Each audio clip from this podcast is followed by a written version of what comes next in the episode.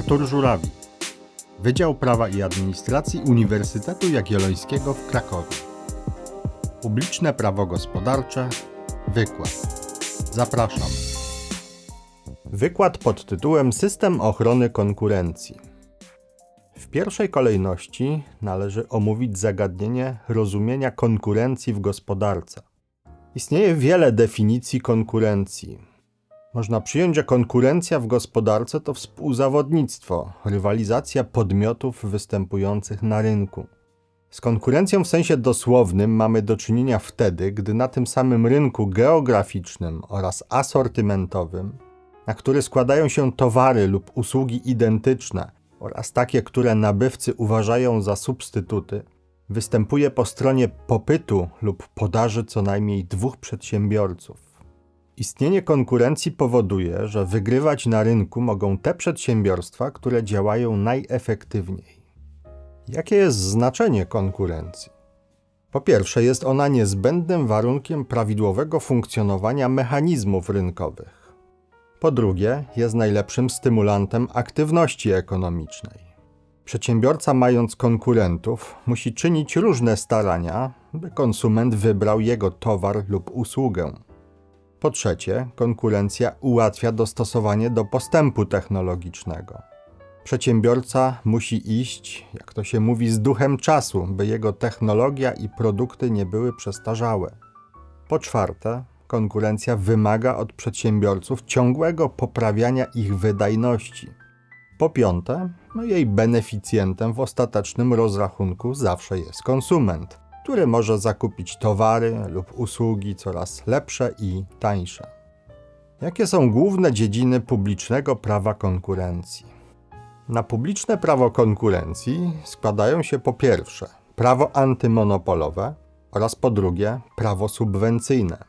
W ramach prawa antymonopolowego możemy wyróżnić po pierwsze reguły zakazujące zawierania porozumień ograniczających konkurencję. Po drugie, wyróżniamy tutaj reguły zabraniające nadużywania pozycji dominującej. I po trzecie, chodzi o reguły, które dotyczą przeciwdziałania nadmiernej koncentracji przedsiębiorstw. Z kolei na prawo subwencyjne składają się reguły dotyczące pomocy państwa.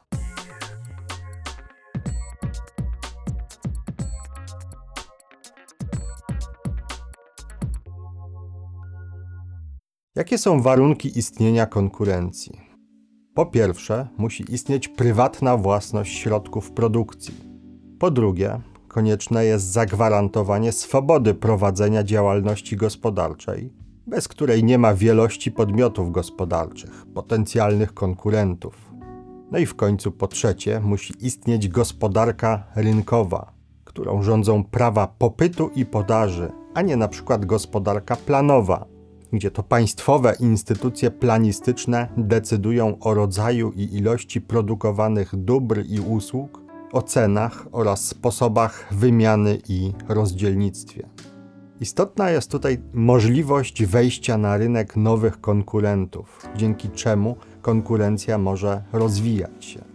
Możliwości są tutaj różne w zależności od branży, wyróżnia się w piśmiennictwie niekiedy tak zwane bariery wejścia na rynek. Po pierwsze, wskazać tutaj należy tak zwaną ekonomię skali. Odnosi się ona do obniżenia jednostkowego kosztu wyrobu w miarę wzrostu wielkości produkcji w jednostce czasu. Ekonomia skali przeciwdziała wejściu na rynek, zmuszając wchodzącego albo do działania na dużą skalę, i narażania się przez to na ostrą reakcję istniejących firm, albo zmusza do działania na małą skalę, ale to pociąga za sobą konieczność pogodzenia się z gorszą sytuacją kosztową. Oba przypadki są niepożądane. Inną barierą wejścia na rynek jest sytuacja, że istniejące firmy mają już wyrobioną markę i wiernych klientów Konieczne jest więc inwestowanie dużych środków, by przezwyciężyć istniejącą lojalność klientów. Chodzi o wyrobienie sobie marki. Inną barierą są potrzeby kapitałowe. Konieczność zainwestowania dużych środków, by móc konkurować. Barierą może być również dostęp do kanałów dystrybucji. Przedsiębiorca nowo wchodzący na rynek może mieć problemy z wejściem w istniejące kanały dystrybucyjne. Im bardziej ograniczone są kanały hurtowe i detaliczne, tym trudniej wejść do danego sektora, prowadzić tam działalność gospodarczą. Barierą może być też gorsza sytuacja kosztowa, niezależnie od skali działalności. Chodzi o to, że istniejące firmy mogą mieć lepszą sytuację pod względem kosztów, niemożliwą do osiągnięcia przez wchodzących na rynek, niezależnie od ich wielkości i osiągniętej ekonomii skali.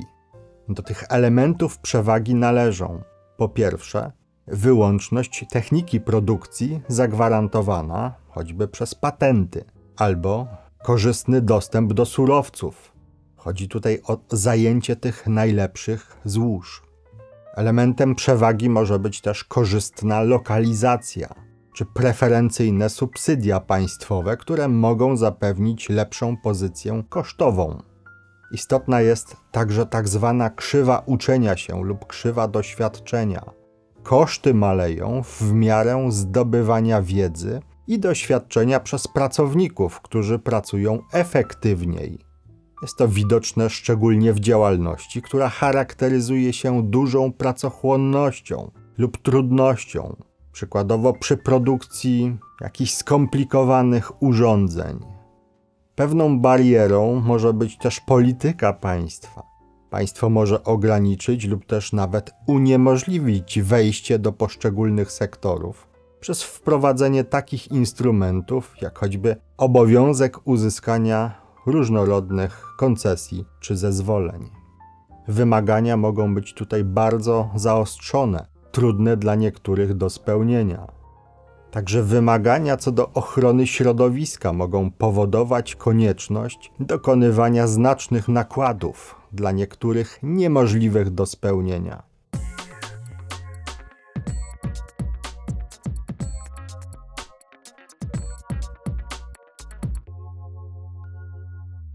Przejdźmy w tym miejscu do przeglądu współczesnych poglądów doktrynalnych dotyczących zachowań, relacji państwa wobec gospodarki.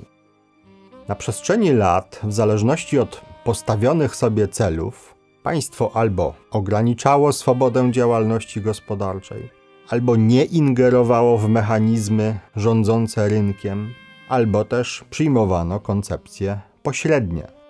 Prawo antymonopolowe jest bezspornie przejawem ingerencji państwa lub organów unijnych w gospodarkę. W tym kontekście można mówić o tak zwanej publicyzacji prawa prywatnego. Pierwszy nurt myślowy, do którego warto sięgnąć, to jest tak zwana doktryna neoliberalna. Jej początki sięgają przełomu lat 60. i 70. XX wieku. Przedstawiciele neoliberalizmu gospodarczego ogólnie głosili, że ingerencja państwa w gospodarkę powinna polegać jedynie na ochronie i zapewnieniu sprawnego działania mechanizmu rynkowego poprzez tworzenie warunków dla produkcji. Natomiast wszelka działalność państwa, jak twierdzono, powoduje niekorzystne skutki na rynku, gdyż hamuje rozwój gospodarczy a w związku z tym powinna być zminimalizowana. Poglądy neoliberałów mieszczą się w ramach trzech zasadniczych szkół: londyńskiej, fryburskiej i chicagowskiej. Przedstawicielem londyńskiej szkoły neoliberalizmu był Friedrich von Hayek. Według niego ingerencja państwa jest uosobieniem największego zła, zakłóca bowiem funkcjonowanie mechanizmu rynkowego oraz ingeruje w sferę życia prywatnego.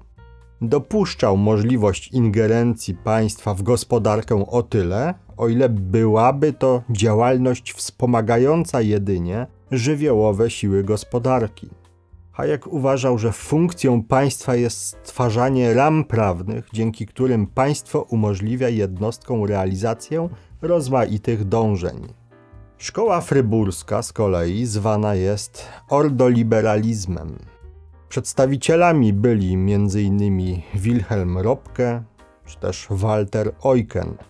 Eucken założył czasopismo o nazwie Ordo od nazwy którego pochodzi nazwa ordoliberalizm. W gospodarce ordoliberałowie podkreślali aspekt etyczny, przeciwstawiali się złemu traktowaniu pracowników, chcieli chronić konkurencję. Według ordoliberałów mogą występować dwa krańcowe przypadki ostatecznego uporządkowania elementarnych układów gospodarczych. Po pierwsze, wyróżniano tutaj gospodarkę rynkową, a po drugie, gospodarkę centralnie administrowaną. Eugen dowodził wyższości gospodarki rynkowej. Dopuszczano jednak istnienie ustroju gospodarczego pośredniego i interwencji państwa dla ochrony różnych wartości. No i w końcu trzeba powiedzieć o szkole chicagowskiej. Jest to tak zwany monetaryzm. Przedstawicielem był Milton Friedman, żyjący w latach 1912 do 2006. Autor pracy Kapitalizm i Wolność. W 1976 roku otrzymał Nagrodę Nobla w dziedzinie ekonomii. Odrzucał on wszelką ingerencję państwa w życie gospodarcze. Twierdził, że źródłem wszelkich zakłóceń funkcjonowania gospodarki kapitalistycznej jest interwencjonizm państwowy oraz błędna polityka monetarna. Uważał, że rynek sam najlepiej reaguje na zmianę wszelkich warunków, które go dotyczą. Zadaniem rządu jest jedynie określenie reguł gry, a nie prowadzenie gry samemu. Zupełnie inne poglądy głosiła tzw. Tak szkoła harwardzka. Twierdzono, że o istnieniu konkurencji decyduje wolność wejścia na rynek, natomiast jej ograniczeniem jest wysoki stopień koncentracji produkcji i sprzedaży na rynku, a także zmowy przedsiębiorstw. Organy antymonopolowe nie powinny więc dopuszczać do nadmiernej koncentracji, do powstawania przedsiębiorców zajmujących pozycję dominującą. Organy takie powinny karać przedsiębiorców za stosowane praktyki ograniczające konkurencję na rynku. Naturalne monopole powinny z kolei podlegać kontroli własnościowej państwa oraz regulacji. Urzędy antymonopolowe powinny karać przedsiębiorców dopuszczających się nielegalnych praktyk no i doprowadzać do zaniechania praktyk ograniczających konkurencję.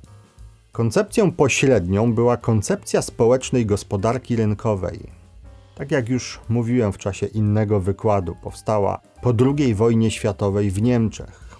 Zakłada ta koncepcja, że państwo ma spełniać określone funkcje gospodarcze. Ma ono wpływać hamująco na gospodarkę w okresie koniunktury lub pobudzająco w okresie recesji, po to, by zmniejszyć wahania w poziomie podstawowych wielkości ekonomicznych. Rolą państwa jest wspomaganie mechanizmu rynkowego w kierunku zbliżenia do trwałej równowagi i optimum w skali makroekonomicznej. Państwo powinno programować i prognozować w skali makroekonomicznej proces rozwoju gospodarczego. Państwo ma też obowiązek tworzenia warunków sprawiających, że uczestnicy rynku będą podejmować działania zgodne nie tylko z interesami własnymi, lecz także z interesem publicznym.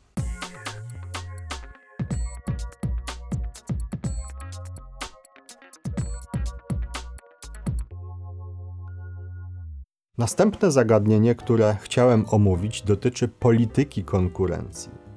Polityka konkurencji polega na tworzeniu prawa i realizacji określonej polityki gospodarczej w Polsce polityka konkurencji prowadzona jest przez rząd, ma za zadanie realizację po pierwsze zasady społecznej gospodarki rynkowej wynikającej z artykułu 20 Konstytucji, a także zasady wolności działalności gospodarczej, która wynika z artykułu 22 Konstytucji Rzeczypospolitej Polskiej.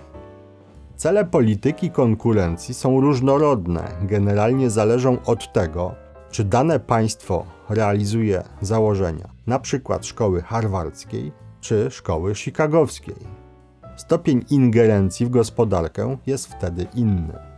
Państwo dysponuje szeregiem instrumentów, które wpływają na stan konkurencji na rynku. Instrumenty sprzyjające konkurencji, które znajdują się w gestii państwa, to po pierwsze instrumenty kreujące konkurencję, a po drugie instrumenty wspierające, chroniące konkurencję. Jakie są instrumenty kreujące konkurencję? Po pierwsze, stanowienie prawa nakierowanego na eliminację monopolistycznej struktury rynku w celu chociażby ograniczania koncentracji przedsiębiorstw. Jedną z przykładowych form koncentracji jest połączenie się przedsiębiorstw. Szczegółowo jednak te zagadnienia są omawiane w trakcie innego wykładu. Wśród instrumentów kreujących konkurencję chodzi także o ułatwianie przedsiębiorcom wchodzenia na rynek, ułatwianie ich rozwoju. Chodzi o obniżanie czy eliminację barier wejścia na rynek, prowadzenie liberalnej polityki celnej i handlowej.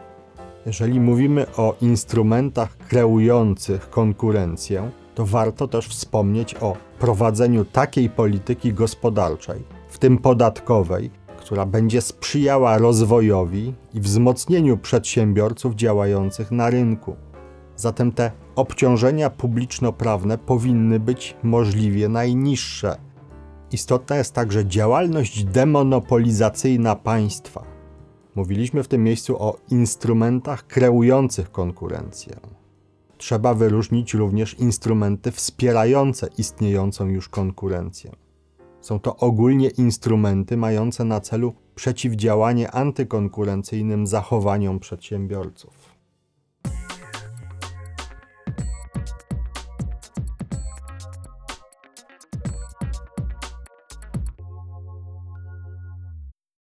Jakie są cele unijnej polityki konkurencji? Zostały one dosyć szczegółowo wskazane między innymi w rezolucji Parlamentu Europejskiego z 9 czerwca 2021 roku w sprawie polityki konkurencji. Jako cele unijnej polityki konkurencji wskazano tam między innymi po pierwsze utrzymywanie otwartego i zjednoczonego wspólnego rynku przyjaznego dla innowacji.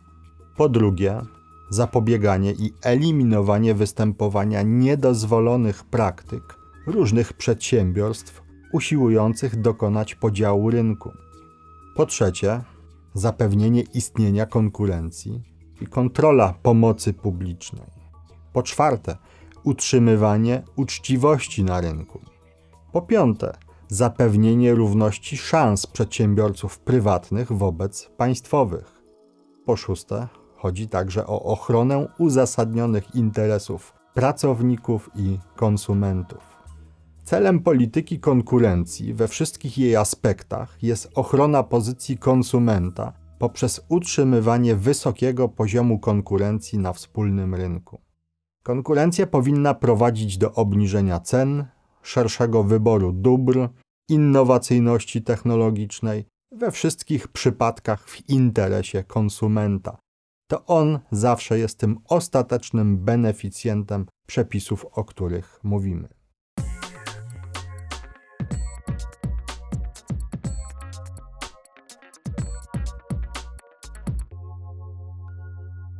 Przejdźmy w tym miejscu do źródeł prawa antymonopolowego. Ochrona prawna konkurencji związana jest z gospodarką rynkową. Tradycja tej ochrony sięga XIX wieku, kiedy to w Stanach Zjednoczonych uchwalona została tzw. Tak ustawa Shermana. Był to rok 1890. Ustawa ta uważana jest za pierwszy akt prawa antymonopolowego. Nazwa pochodzi od Johna Shermana, amerykańskiego polityka, sekretarza stanu i skarbu, kandydata na prezydenta Stanów Zjednoczonych w roku 1888. W Polsce natomiast wymienić warto ustawę z 28 marca 1933 roku o kartelach. W dalszej kolejności warto wspomnieć o ustawie z 13 lipca 1939 roku o porozumieniach kartelowych. Następnie uchwalono ustawę z 28 stycznia 1987 roku o przeciwdziałaniu praktykom monopolistycznym w gospodarce narodowej. W dalszej kolejności przywołać warto ustawę z 24 lutego 1990 roku o przeciwdziałaniu praktykom monopolistycznym i ochronie interesów konsumentów. W dalszej kolejności wymieńmy ustawę z 15 grudnia 2000 roku o ochronie konkurencji konsumentów. Obecnie regulacje prawne składające się na polskie prawo antymonopolowe zawarte są przede wszystkim w ustawie z 16 lutego 2007 roku o ochronie konkurencji i konsumentów. Ustawodawstwo antymonopolowe jest częścią publicznego prawa gospodarczego, czyli tej dziedziny prawa, która ma za zadanie porządkujące oddziaływanie na stosunki gospodarcze. Ustawa o ochronie konkurencji konsumentów zawiera normy prawa ustrojowego, materialnego i procesowego. Z tego punktu widzenia istotny jest artykuł pierwszy ustawy o ochronie konkurencji konsumentów. Ustęp pierwszy mówi, że ustawa określa warunki rozwoju i ochrony konkurencji oraz zasady podejmowanej w interesie publicznym ochrony interesów przedsiębiorców i konsumentów.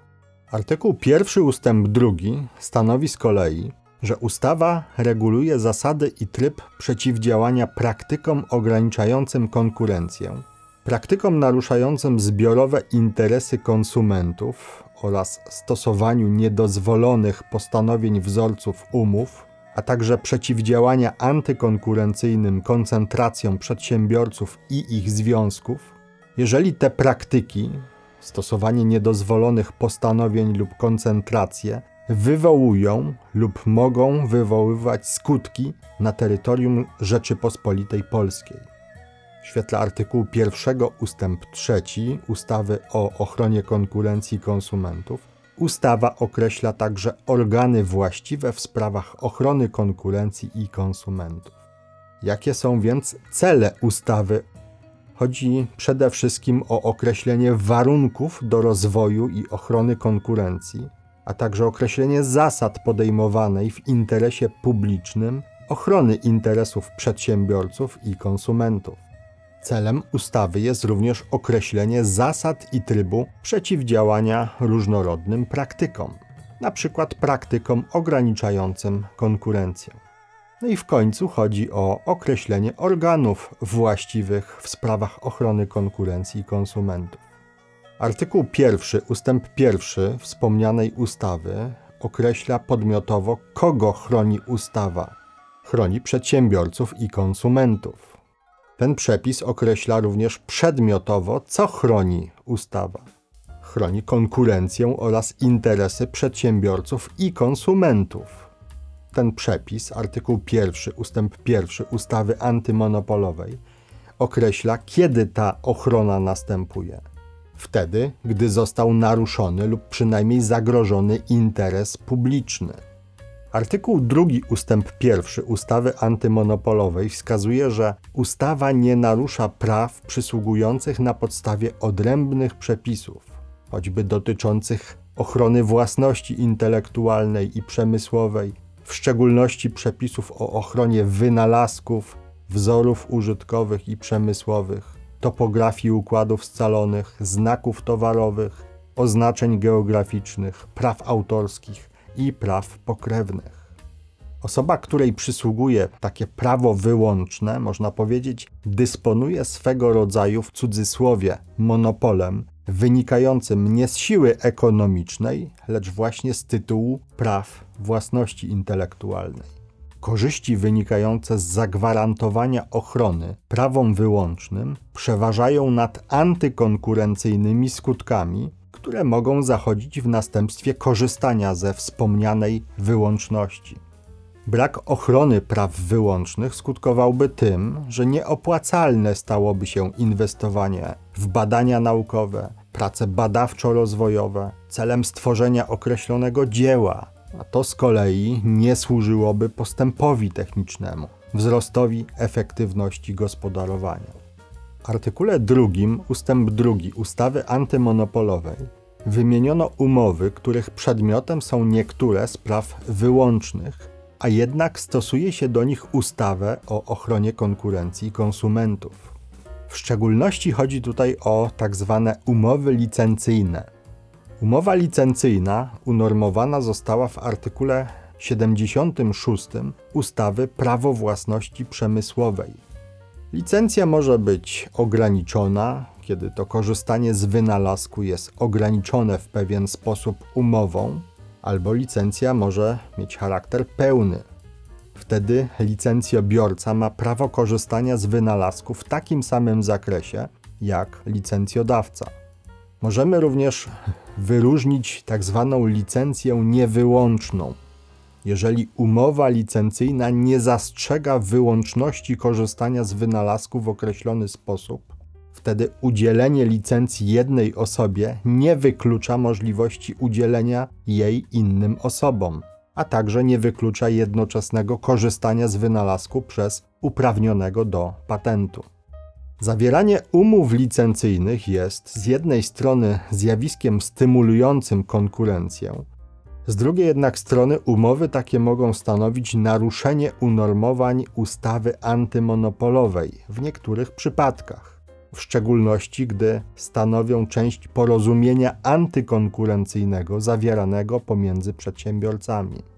Na przykład ktoś otrzymuje licencję, ale w zamian godzi się na pewne zachowania, które mają charakter antykonkurencyjny.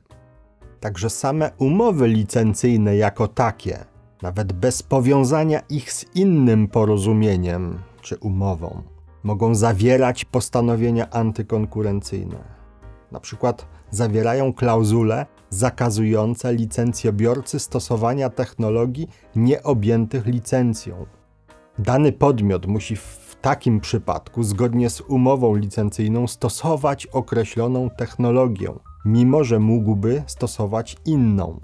Jest to warunek otrzymania licencji. Czyli mógłby na przykład zaopatrywać się w półprodukty służące do produkcji u jakiegoś innego przedsiębiorcy, natomiast nie może tego uczynić, gdyż w ten sposób naruszyłby umowę licencyjną. Takie porozumienia zwykle stanowią naruszenie reguł konkurencji. Artykuł 3 ustawy antymonopolowej z kolei przesądza, że przepisów tej ustawy nie stosuje się do ograniczeń konkurencji dopuszczonych na podstawie odrębnych ustaw. Ustawy takie można traktować jako regulacje szczególne w stosunku do ustawy antymonopolowej i w związku z tym wykluczające jej stosowanie. Przykładem jest ustawa z 19 listopada 2009 roku o grach hazardowych. Artykuł 5 ustęp 1 mówi, że prowadzenie działalności w zakresie gier liczbowych, loterii pieniężnych, gry telebingo oraz gier na automatach poza kasynem gry jest objęte monopolem państwa. Wykonywanie monopolu państwa należy w tym przypadku do ministra właściwego do spraw aktywów państwowych, który tworzy w tym celu, w porozumieniu z ministrem właściwym do spraw finansów publicznych, jednoosobowe spółki Skarbu Państwa. Interesujący jest artykuł 5 ustęp 3 ustawy o grach hazardowych. Stwierdza on, że do prowadzenia działalności, o której mowa w ustępie pierwszym, nie mają zastosowania przepisy o ochronie konkurencji i konsumentów w zakresie ochrony konkurencji. Mogą być stosowane natomiast inne przepisy, choćby dotyczące ochrony konsumentów. Ustanowienie monopolu w tym przypadku wiąże się z tym, że objęta nim działalność stanowi istotne źródło dochodów budżetowych. Najistotniejszym motywem jest jednak konieczność zapewnienia porządku publicznego, konieczność zapobiegania oszustwom i nadużyciom w tego rodzaju działalności.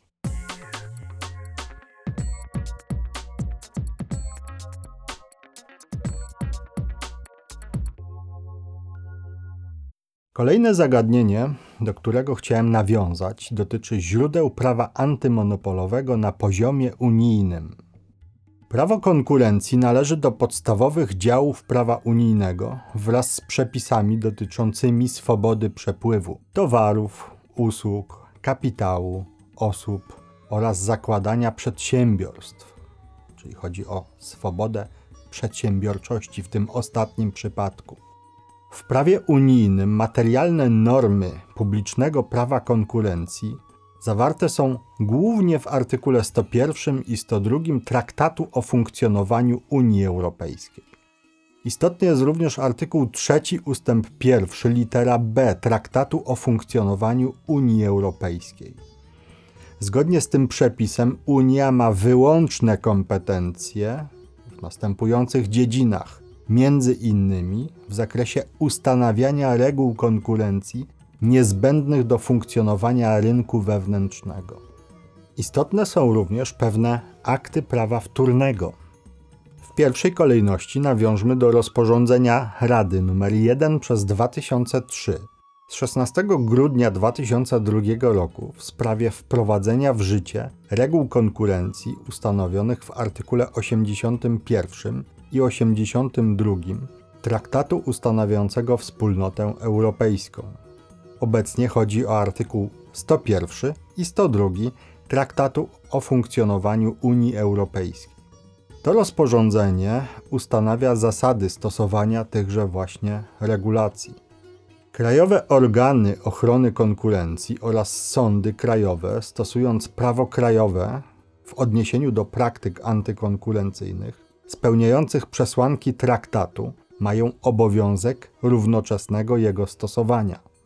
Krajowe organy konkurencji zostały zobowiązane do stosowania przepisów rozporządzenia w tych przypadkach, gdy stosuje się prawo krajowe dotyczące konkurencji, a praktyka antykonkurencyjna spełnia równocześnie przesłanki praktyki, która może wpływać na handel między państwami członkowskimi, czyli spełnia przesłanki zakazów, o których mowa w artykule 101 i 102 Traktatu o funkcjonowaniu Unii Europejskiej. Istotne jest także rozporządzenie Rady nr 139 przez 2004 z 20 stycznia 2004 roku w sprawie kontroli koncentracji przedsiębiorstw. To rozporządzenie stworzyło podstawy prawne prewencyjnej kontroli koncentracji przedsiębiorstw o wymiarze unijnym. Warto również nawiązać do rozporządzenia Komisji nr 773 przez 2004 z 7 kwietnia 2004 roku, które odnosi się do prowadzenia przez Komisję postępowań zgodnie z artykułem 81 i artykułem 82 Traktatu ustanawiającego Wspólnotę Europejską, chociaż obecnie są to przepisy zawarte w artykule 101 i 102 Traktatu o funkcjonowaniu Unii Europejskiej. To rozporządzenie wprowadza przepisy proceduralne dotyczące postępowań prowadzonych w związku z podejrzeniami naruszeń opisanymi w tych właśnie przepisach. Unijne reguły konkurencji znajdują podstawy prawne także w różnych dyrektywach czy też decyzjach indywidualnych Komisji Europejskiej, które wiążą adresatów. Istotne jest bez wątpienia również orzecznictwo Trybunału Sprawiedliwości Unii Europejskiej także orzecznictwo organów i sądów krajowych. Ochrona konkurencji w oparciu o prawo unijne może być realizowana po pierwsze bezpośrednio przez Komisję Europejską oraz po drugie przez krajowe organy konkurencji, w tym również przez prezesa Urzędu Ochrony Konkurencji i Konsumentów.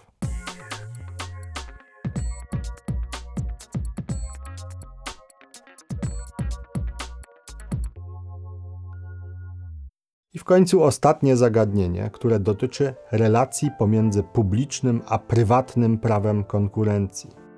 Wyróżnić tu można dwie podstawowe ustawy.